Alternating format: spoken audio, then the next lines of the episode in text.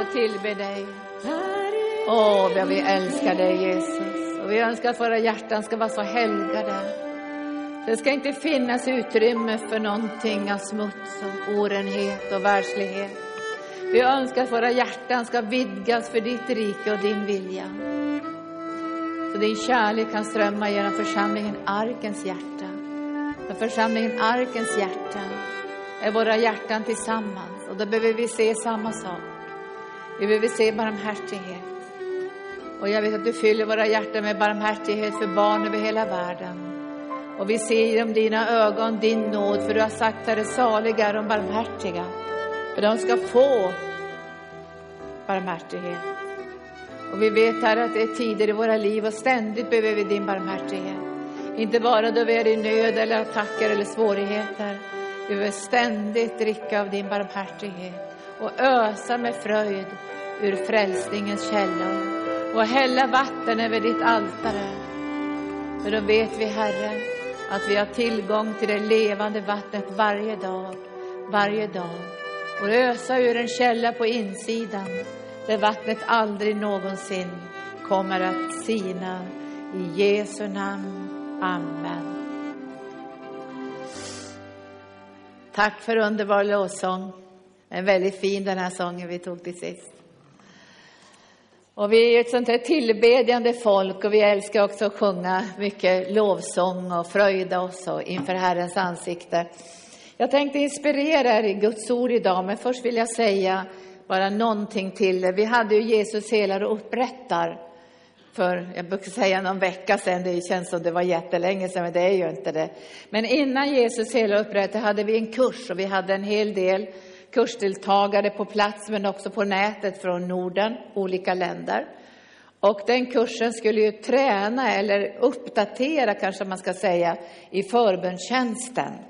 Och, och är det så att du känner att du skulle vilja liksom förnya dig i det så gå in på nätet eller kontakta oss på infotarken.org så får vi koppla dig till den här länken.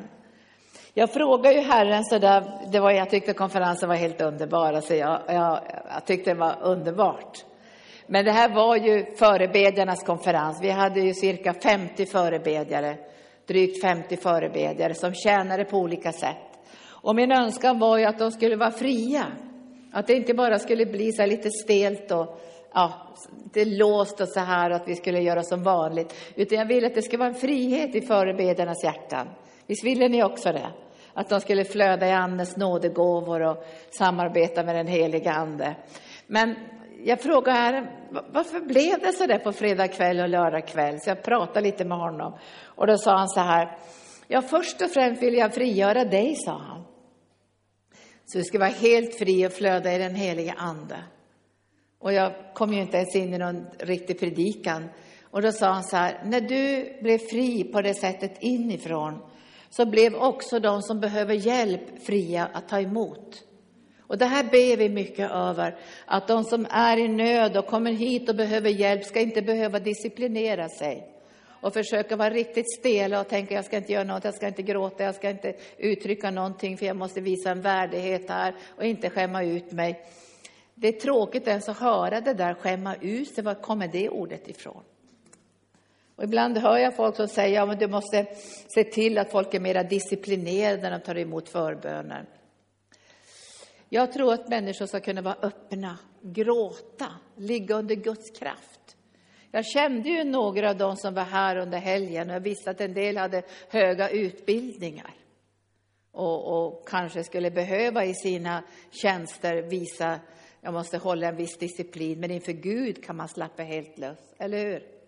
Och det var underbart att få se hur människor låg under Guds smörjelse, kunde gråta, ta emot och bli befriade. Det var så underbart. Och jag såg också att förebedjarna hade en ökad frihet att flöda i den heliga Ande. Jag tyckte det var underbart. Och jag märker också att längtan efter att komma hit ökar. Och, och nu är Helena Spring en av våra medarbetare i Finland i helgen och arbetar med vår lilla förening och utpost där. Det är så många som vill komma på helande dagarna nu så att jag tror hon kunde inte ta emot alla. Det är 20 stycken som de ber för i helgen och har helande dagar i Finland. och betjänar under den heliga Andes smörjelse. Och det är så underbart när människor får ligga i vilstol. Jag, jag tror inte vi har det ännu i Finland, för då kan vi bädda in dem i Guds kärlek. Visst är det bra? Vi kan bädda in dem i Guds kärlek.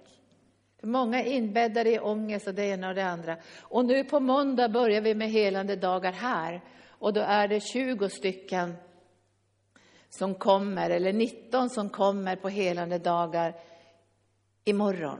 Och då är de här till onsdag kväll och jag kommer att avskilja dem då och be för dem. Och vi, har, vi behöver fler förebedjare. Sen går vi direkt på, när vi har haft helande dagarna så går vi direkt in Sjöhamra gård på retritan. Behoven ökar och jag känner att Herren frågar om du vill ställa dig till hans förfogande och låta dig utrustas så du kan vara en kanal för hans barmhärtighet och hans godhet och hans kärlek in i människors liv. Och de flesta av er här måste ju ha kallelse på era hjärtan att betjäna människor, för annars skulle ni inte vara här. Eller hur? Det är inte alla tider vi kan ställa oss till Guds förfogande. Men pröva i alla fall. Och behöver du en rerun så har vi den här kursen som du kan gå in i och ställa dig till Guds förfogande. För advent betyder ju att vänta på Jesus. Och vi väntar ju på att han ska, vi får minnas att han föddes in i den här världen såklart. Och vi firar ju hans födelsedag. När mina barnbarn var små så sa vi aldrig jul egentligen, för jag ville inte att de skulle fira jul. Och jag minns särskilt en av barnbarnen som knappt kunde prata, han var så gullig, och sa, nu ska vi fira Jesu födelsedag. Och så sa han så här, men den där Jesus måste vara väldigt snäll, sa han. Vad menar du, sa jag. Ja, men han ger ju bort alla sina julklappar. Jag tyckte det var väldigt intelligent tänkt när man är i fem, sex års ålder. Men vi väntar på hans tillkommelse, vi älskar hans tillkommelse, vi vänder oss mot himlen då och då. Gör det en gång i veckan. Titta mot himlen och tänk, du är välkommen tillbaka, så får du ett evighetsperspektiv. Nu ska jag börja predika. Och då har jag tagit med en sten idag faktiskt. Det var en liten sten. Men du vet att den här stenen kan jag gömma i min hand också. Vet du, vi kan ha smygstenar. Vi kan gå omkring med lite smygstenar. Men om Herren frågar, Linda, vad har du i din hand? Så skulle jag inte vilja att säga så här, jag har en sten i min hand. Det vore inte bra, va? Så frågar jag, vad har du i din hand? Då skulle jag vilja svara, vad jag har i min hand, Jesus, det är faktiskt din närvaro och olja från himlen. Det är det som jag har i min hand. Jag har din närvaro, jag har din smörjelse, jag har din kärlek. För jag är delaktig i frälsningsplanen, i räddningsplanen för alla dessa människor som ännu inte känner dig. Så du ska tänka, vad har du i din hand? Jesus, Fadern frågade ju också Moses, vad har du i din hand? Och han sa, jag har en stav i min hand. Och den förvandlades till att bli en, så en välsignelse, det vet ni, vi har läst om de sakerna. Men det viktigaste är när Gud frågar vad har du i din hand, att du alltid tänker så jag har inte en sten i min hand. Jag har aldrig en sten i min hand, för jag är inte i den branschen. Kasta stenbranschen.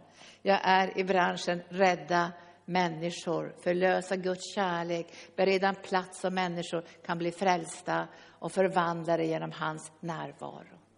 Visst är det vackert det? Och jag tänker så, även om jag bara har en sån där jätteliten sten i min hand, jag, jag, jag prövar ju inte på medarbetarna i morse, men om man skulle kasta dem på det skulle ta rätt ont, eller hur? Alltså att få en sten på sig tar verkligt ont. När jag bodde i Afrika och skämde ut mig där under ett år, rejält, så vi alla volontärer blev i princip hemskickade. Och biskopen sa, ni får aldrig mer skicka ut ofrälsta ungdomar. Så vi gjorde ju någon nytta. Men i alla fall, jag bodde, jag bodde i Kongo-Brazzaville ett år i princip. Och då på andra sidan så var det Kongo-Kinshasa, Kongo-Zaire. Och då kunde man se över, Kongofloden var ganska bred. Men ryktet om mig hade gått över till ett annat missionsfält på andra sidan. Så ryktet hade gått, det visste inte jag, det var någon som bad för mig. Så bra det där du sa, Oskar, det verkar, det verkar, bönerna verkar kraftfullt i människors liv. Och jag blev ju inte frälst i Kongo, jag blev inte frälst heller när jag flyttade till Paris, men när jag kom till Sverige så blev jag frälst. Och då fick jag gå runt och be om förlåtelse. Men jag blev bjuden sen på en sån här full gospel business möte där jag skulle vittna om min tro. Och så kom det, det var alla möjliga människor där, unga och gamla, så var det en kvinna som var rätt gammal, så hon kom in också med en käpp så här. Och så sa hon så här, då hette jag Fors på den tiden. Är det inte Linda Fors? Jo, säger jag, det jag. Och då var hon så jättelycklig och bara strålade i sitt ansikte och sa hon, ända så jag hörde hur illa du betedde dig, så, så har jag bett för dig. Jag har bett för dig varje dag. Undrar om det inte var hennes förböner som bereder vägen för min frälsning. Man vet aldrig det. Det kanske är evigheten vi får se det där. Vem var det som bad? Hon, jag visste inte att hon bad för mig. Jag visste inte ens, kände inte ens till vilka missionärer som fanns på andra sidan. Men, men nu ska jag, kasta, nu ska jag inte kasta en sten på dig. Få se. Ja, det är inte kul. Det där var inte kul, va? Kasta stenen. Så nu ska jag predika för dig att Jesus var i räddningsbranschen och han säger så här i nionde kapitlet i Matteus evangeliet vad han vill se. För det blev kritik mot Jesus. Och jag hoppas det blir rätt kritik mot dig, inte att du är sur och elak och arrogant och bråkar på Coop eller så där. Utan att du, du har ett rykte om dig, att du har så mycket kärlek och barmhärtighet. Och ändå bär du på helighet och Guds närvaro. Och här i Matteus 9 så har ju Jesus kallat Matteus och han sitter vid tullhuset. Och att sitta vid tullhuset vet vi allihop att de drev in pengar och det var många gånger väldigt jobbigt för de drev ju in mycket mera pengar än de fick egentligen, så det var korrumperat.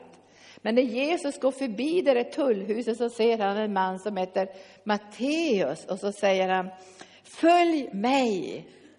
Alltså bara två ord. Följ mig.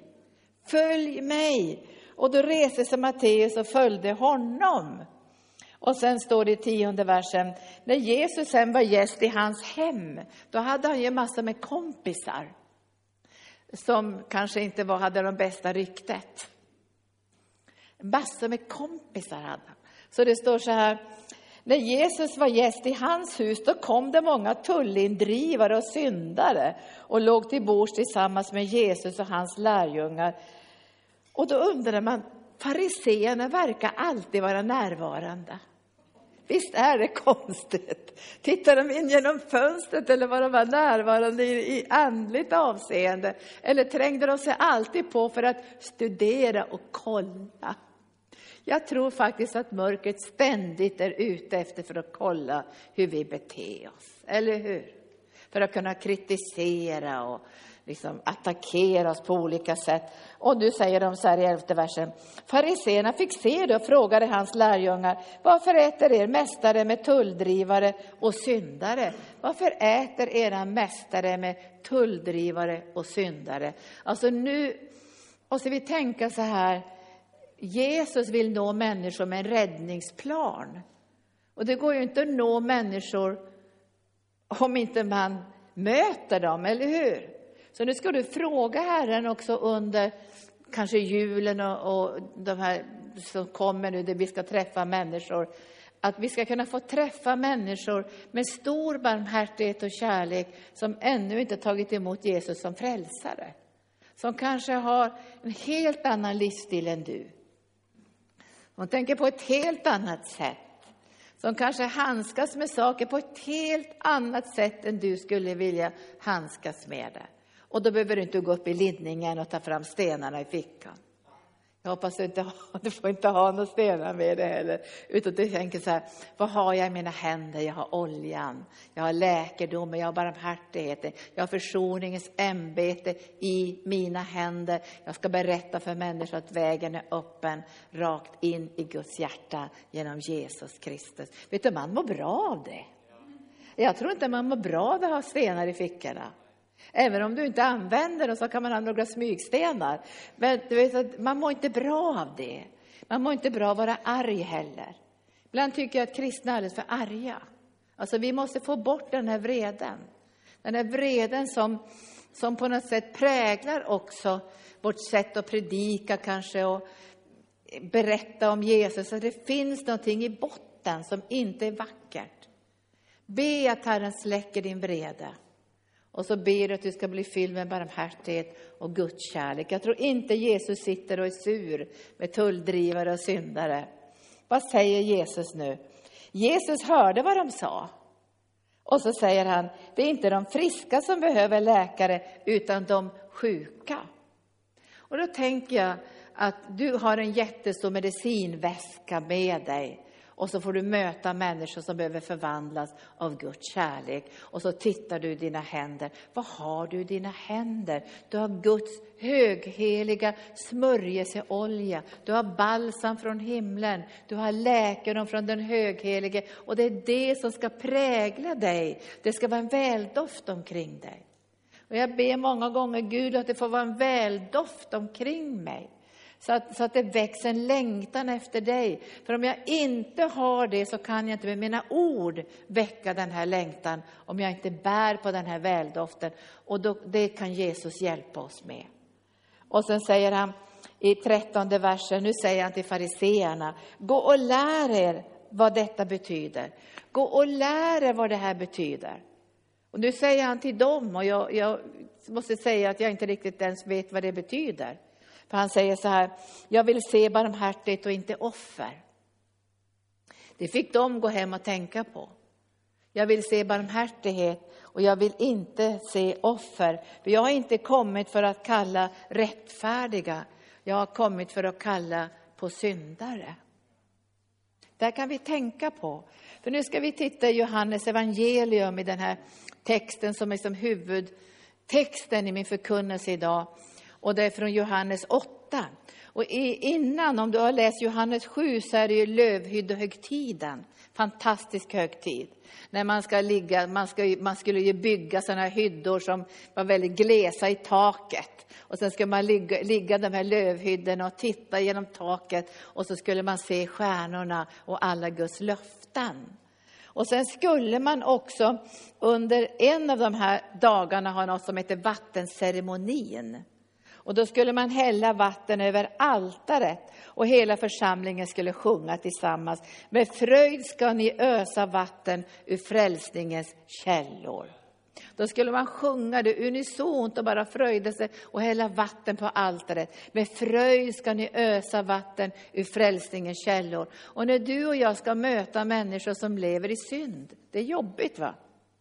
Jag tycker inte vi ska ha några stenar alls, vi ska inte ens kasta stenarna på Satan utan vi ska befalla honom att böja sig i namnet Jesus och så ska vi ge utrymme för Guds kärlek och Guds nåd i människors liv, eller hur?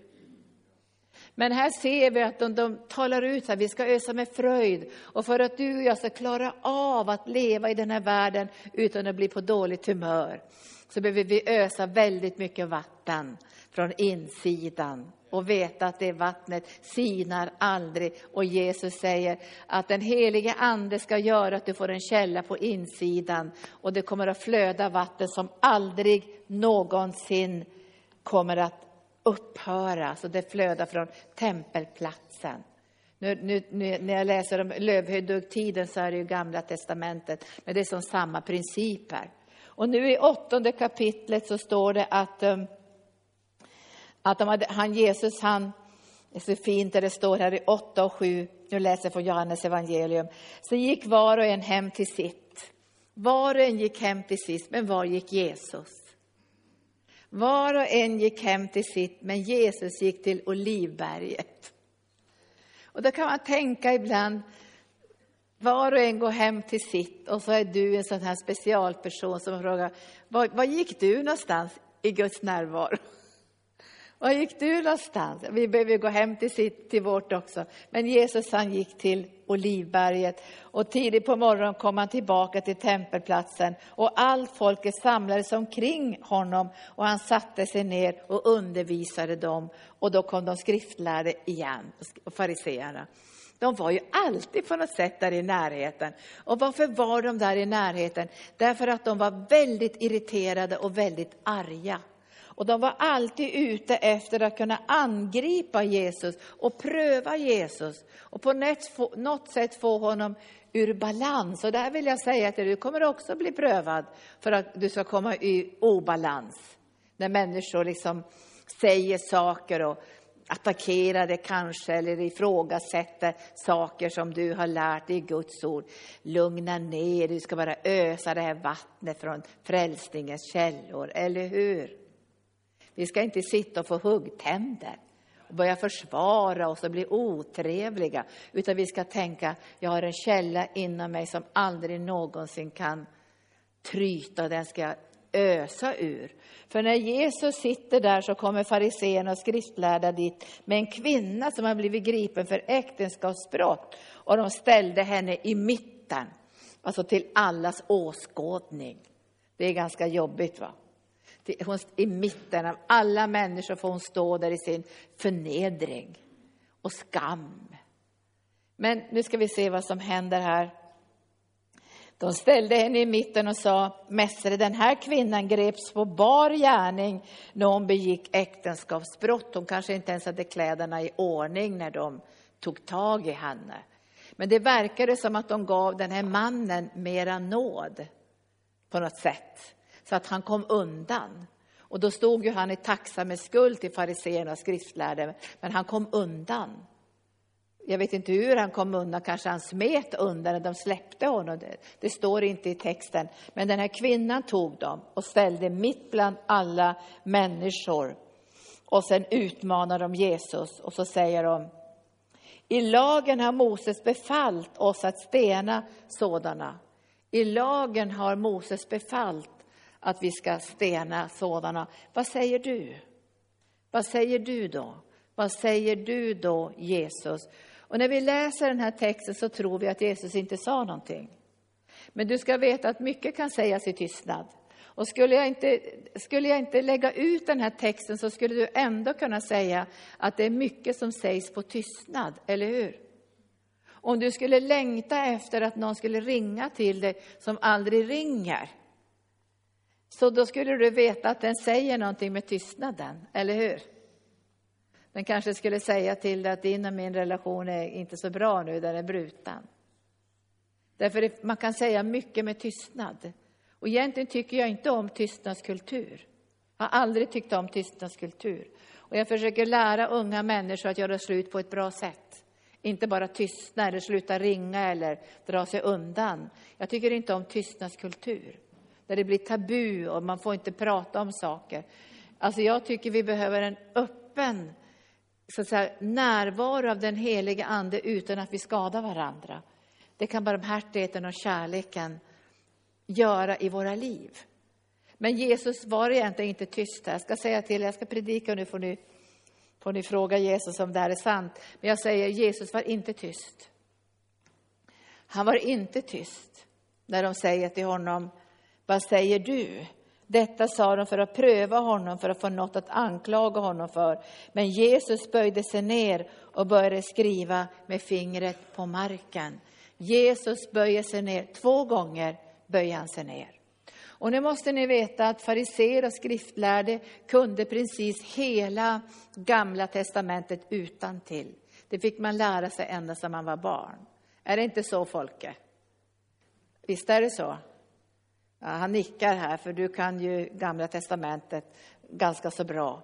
Alltså, de kunde hela Gamla testamentet utan till. Så de visste precis vad Jesus skrev på sanden. De visste precis vad han skrev. Och när han skrev andra gången så blev det ännu kraftigare markering in i deras hjärtan. Och de såg precis vad det här egentligen handlade om. Jag vill se barmhärtighet och inte offer. Om ni undrar nu vad Jesus skrev så kan jag berätta det för er att jag vet det. Det är många visor som har sagt många gånger, jag vet, jag vet, inte vad Jesus skrev och så har man hittat på olika saker. Du vet, Jesus gör ingenting som är oförklarligt.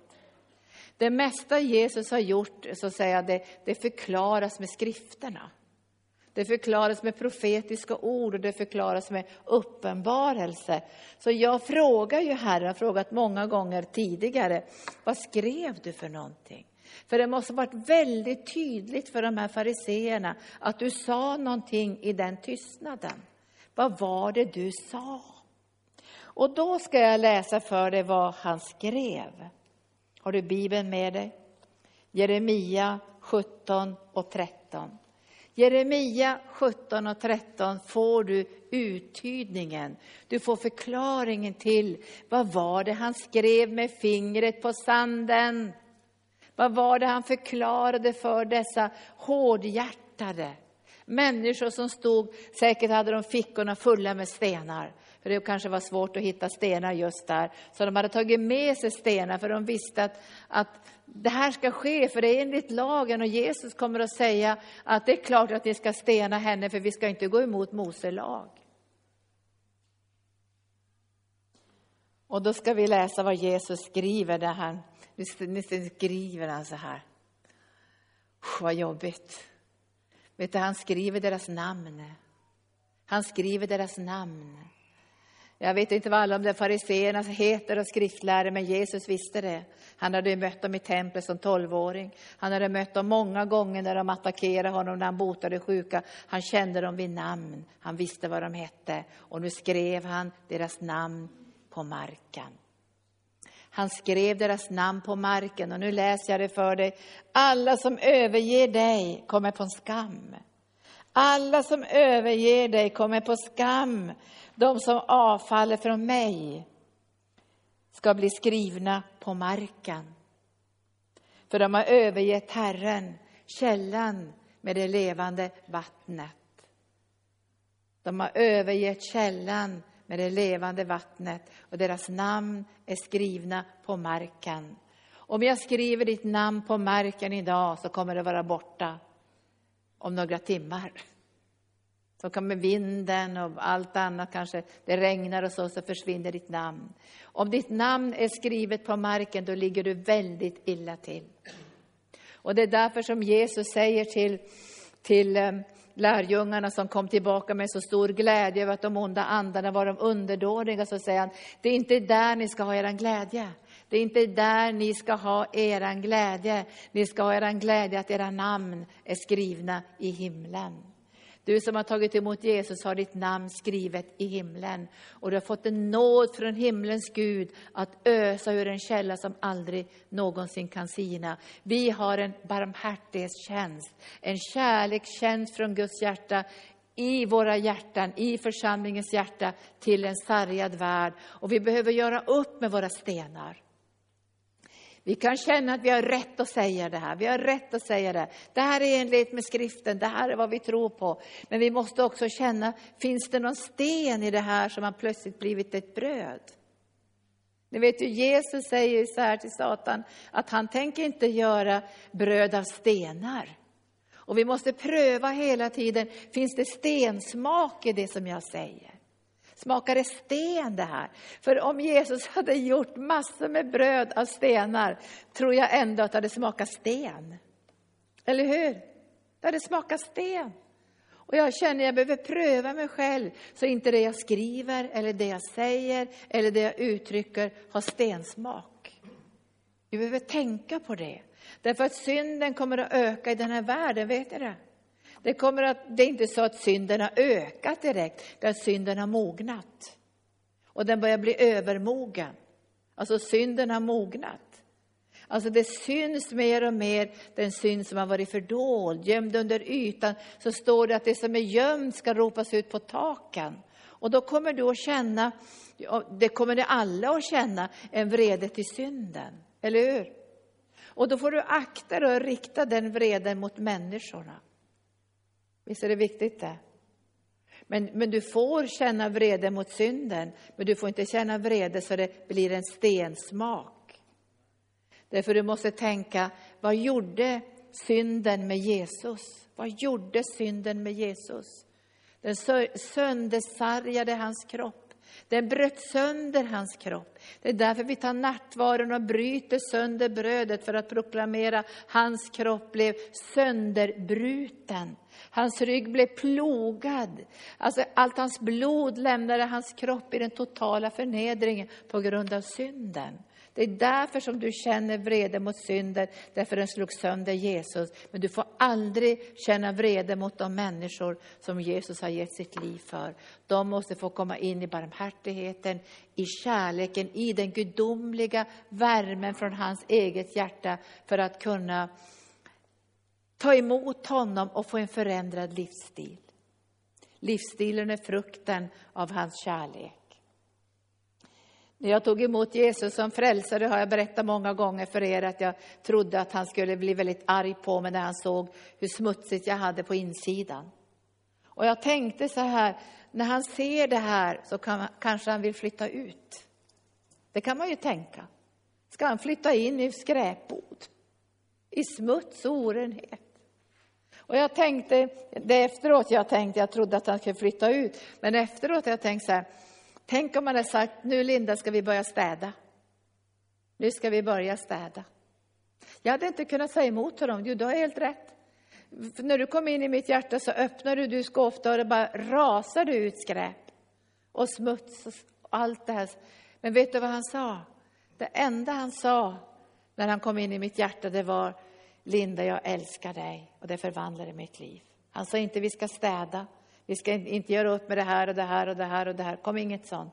Det var bara Linda, jag älskar dig. Och det var en förvandlande kärlek som strömmade in i mitt hjärta, som väckte en längtan att följa och tjäna honom som är ren, himmelens konung. Stensmak, vi behöver göra upp med det här. Det är sorgset när människor känner att de får stenar på sig när de kommer in i Guds församling. Och jag möter på människor faktiskt, inte så hemskt ofta, inte här som i alla fall så mycket, men som känner att de har fått en sten på sig. Eller att de berättar, jag har varit med i sammanhang och jag blev stenad. Det var stenhårt och det var stenhårt, det låter ju sten, eller hur?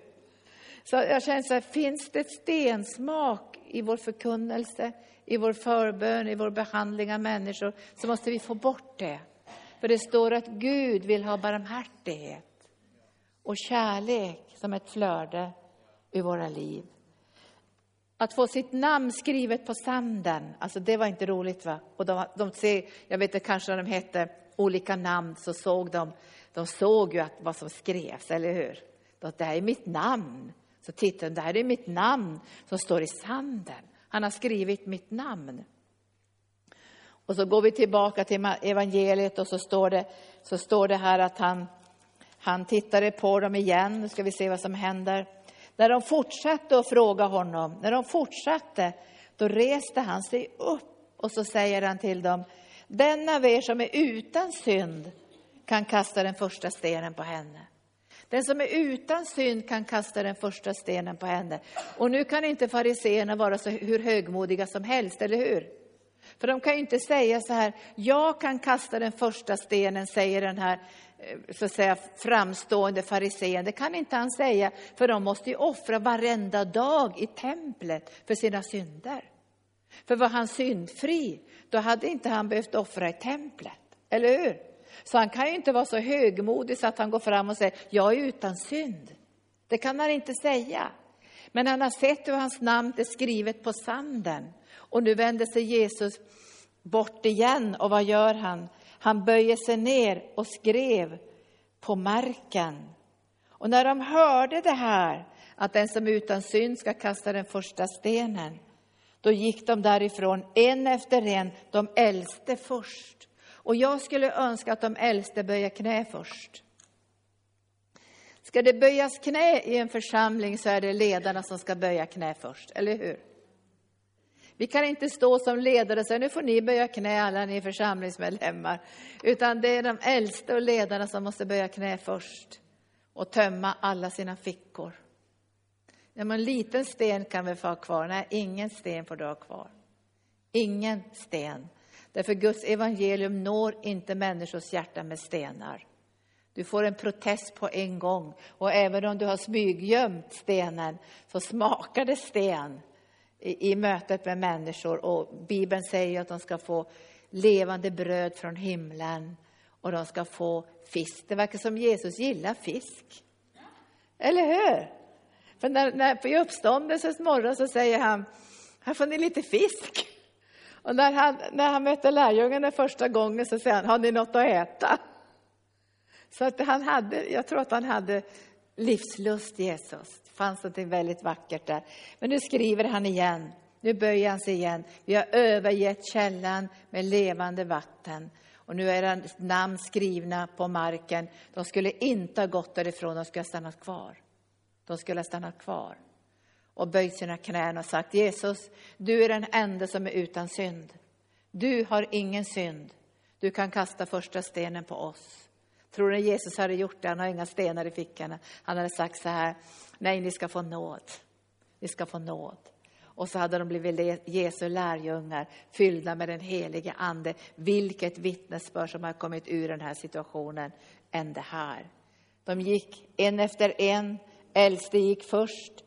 Sen blev han lämnad ensam kvar med kvinnan som stod där. Och igår så pratade pastor, jag, pastor Gunnar och jag om varför stack hon inte? Jag, jag tänker så här ibland, jag vet inte om jag hade stuckit. Jag, jag är inte säker. Men varför stack inte hon? Då pratade vi om det, var skulle hon gå någonstans? Hon var i parias. Hon var redan utstött, hon hade begått äktenskapsbrott. Så var skulle hon gå? Skulle hon gå till den där mannen som hon hade haft sex med, som övergav henne? Var skulle hon gå någonstans? Hon stannade kvar, för hon visste enda platsen att få nåd är inför Guds ansikte i Jesus Kristus. Och det är den allra bästa platsen att få nåd. Och många gånger när människor har syndat mycket mot Herren så måste de böja sina knän för att få nåd. För att få nåd från himmelens Gud. Men det finns alltid nåd, eller hur? Vi ska be lovsångarna komma upp igen, men jag ska läsa det sista han säger här. Då reste han sig upp och så säger han till henne, kvinna, var är de någonstans? För han har inte, kanske inte ens sett att de hade gått. Var är de någonstans? Har ingen dömt dig? Hon svarade, nej, Herre. Nu säger hon de orden som Jesus längtar efter att hon ska säga. Var och en som åkallar Herrens namn ska bli frälst. Nej, Herre, ingen. Hon ger honom herraväldet, hon ger honom erkännandet. Hon böjer sitt hjärta inför honom. Nej, Herre, ingen har dömt mig. Då säger Jesus, inte heller jag dömer dig. Inte heller jag dömer dig, men du kan gå nu, men synda nu inte mer. Synda nu inte mer. Vad tror ni händer i hennes hjärta i mötet med Jesus? Det växer en sån otrolig längtan att få försoning, renhet och upprättelse. Jag tror aldrig hon kommer att synda något mer på det här området. Därför när du har mött Jesus på det här sättet, då blir du aldrig densamme igen. Och därför behöver människor som har synd i sitt liv, som vet att de har vänt sig bort från Gud, eller som inte ens vet att de har vänt sig bort från Gud. För det vet man ju inte alltid att man har vänt sig bort från Gud. Men i mötet med Jesus så händer det något med ens hjärta. Och det här tycker jag är så fantastiskt med evangelisationer nu som kommer att pågå i arken på det här fantastiska, underbara sättet. Vi ska bli kända som de som älskar och visar barmhärtighet. Det ska bli det signum vi har i den här församlingen i mötet med människor. Så, så jag ber till Gud för mig själv och för oss allihopa, låt oss få bort stensmaken. Ibland känner jag när jag läser lite, lite artiklar så, så känner jag, mm, det smakar sten. Så, det är någonting i det här som inte känns bra. Och jag känner att det här går inte. Jag kommer ihåg när jag var vänsterradikal, väldigt vänsterradikal. Och innan jag hade blivit befriad också, för jag var ju så jättemycket klasskillnaden och allt det här. Och när jag var nyfrälst så hade jag fortfarande väldigt mycket vrede mot de här klasskillnaderna. Och då var jag hemma hos ett par, ett äldre par som var ganska kända i karismatiska kretsar här i Stockholm. Och de, de, de var ju med på högersidan då. Och jag var ju fortfarande lite på vänstersidan. Jag hade precis blivit frälst.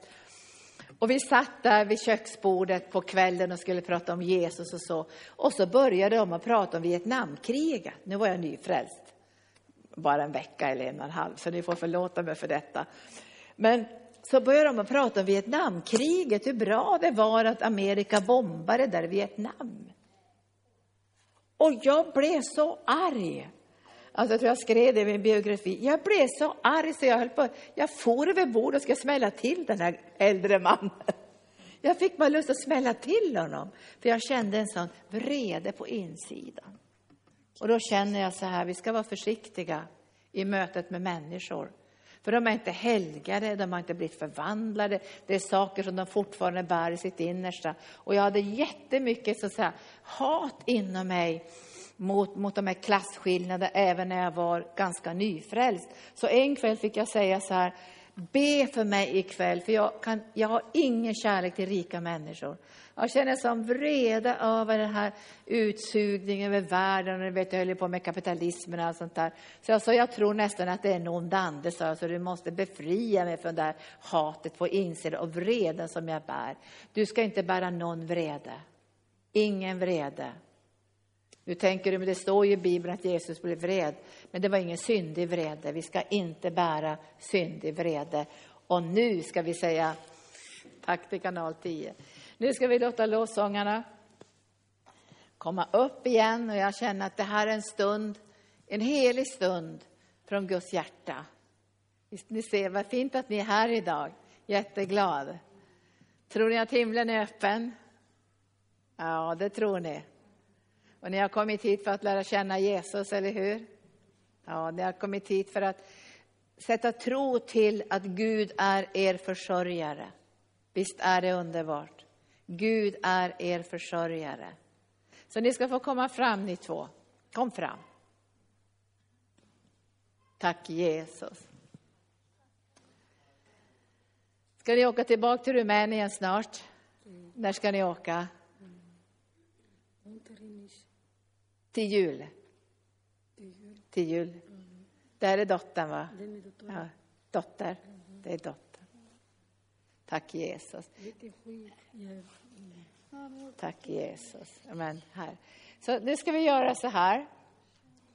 Vi ska be att Herrens ande ska få fylla de här syskonen med sin närvaro och den hjälpen som Herren vill ge också från himlen, eller hur? Varför skulle de inte få hjälp från himlen? Varför skulle Gud stänga himlen för dem? Eller vad säger ni? Så nu ska ni få sträcka ut era händer här mot dessa syskon. Var är du, var är du sjuk någonstans?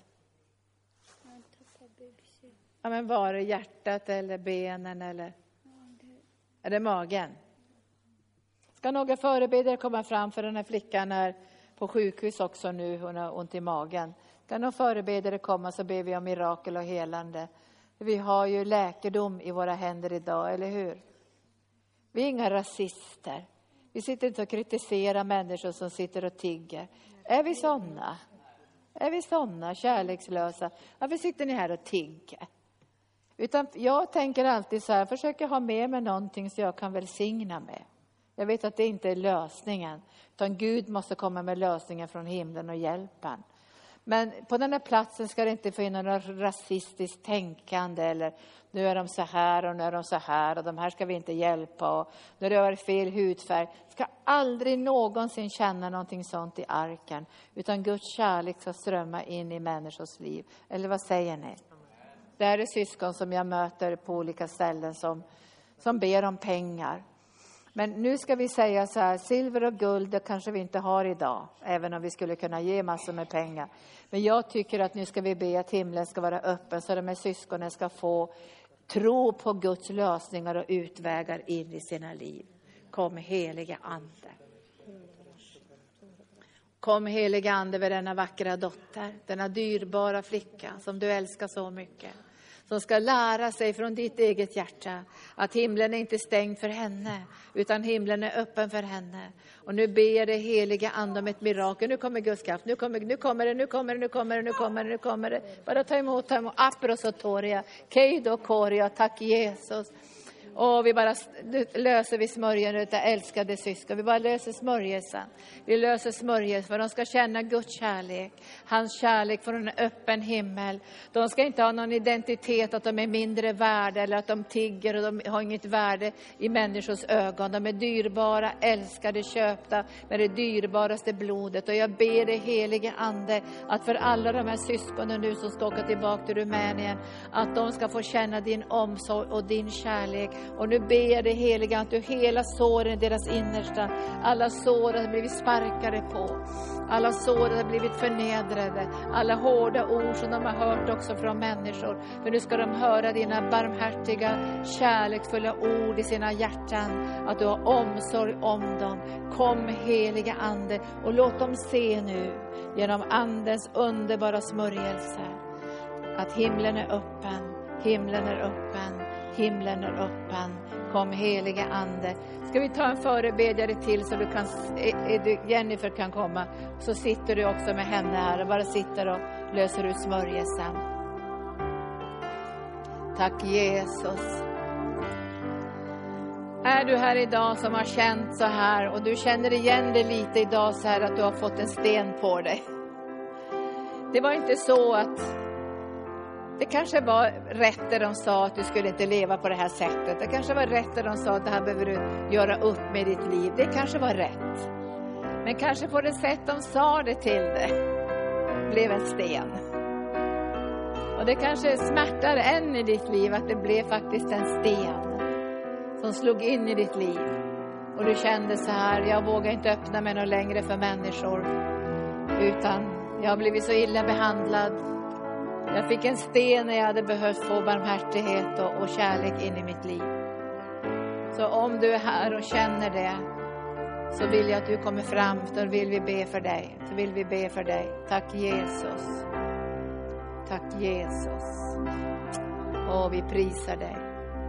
Nu kommer Guds läkande kraft att strömma in i flera av era liv. Kom helige Ande.